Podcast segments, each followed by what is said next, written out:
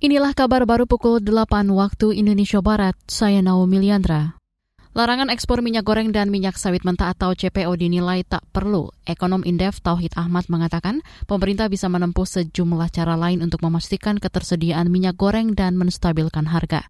Salah satunya dengan mengoptimalkan kebijakan kewajiban pemenuhan kebutuhan dalam negeri atau DMO. Efektifkan dulu 20 persen. Orang kebutuhan kita minyak goreng itu hanya 10 persen loh hmm. 20 persen nggak jalan berarti apa? Ada yang salah dari soal kebijakan, ada yang salah dari soal implementasi. Kebijakan apa? Tidak ada insentif tambahan dulu subsidi di dalamnya. Sehingga apa? Harga ekonominya masih jauh dengan harga pasar, rugi dari tingkat petani sampai pelaku usaha itu.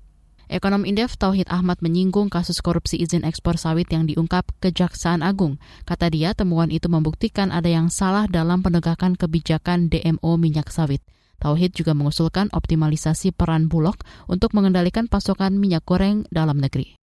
Sementara itu, anggota Komisi Industri DPR Amin Aka berpendapat larangan ekspor minyak goreng dan CPO hanya terapi kejut dari pemerintah.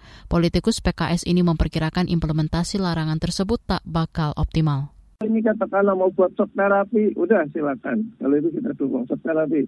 Benar-benar pengusahanya dirasakan nih loh kalau dilarang ekspor akibatnya seperti ini. Ya, itu mau berapa hari kita juga nggak tahu.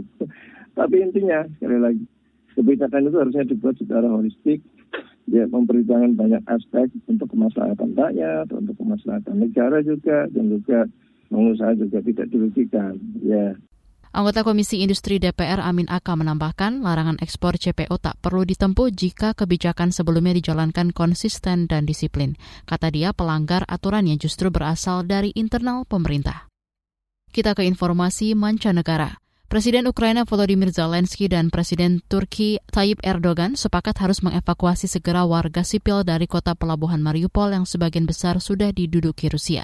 Dikutip dari CNN, kedua pemimpin juga membahas pabrik baja Azovstal yang di Mariupol sempat menjadi sasaran gempuran Rusia. Pabrik itu merupakan benteng pertahanan utama pasukan Ukraina dan tempat sejumlah warga sipil mengungsi. Turki merupakan salah satu anggota NATO yang berbagi perbatasan laut dengan Ukraina dan Rusia di Laut Hitam hitam. Ankara selama ini mengecam perang antara kedua negara, tetapi menentang penerapan sanksi terhadap Rusia. Demikian kabar baru KBR, saya Naomi Liandra.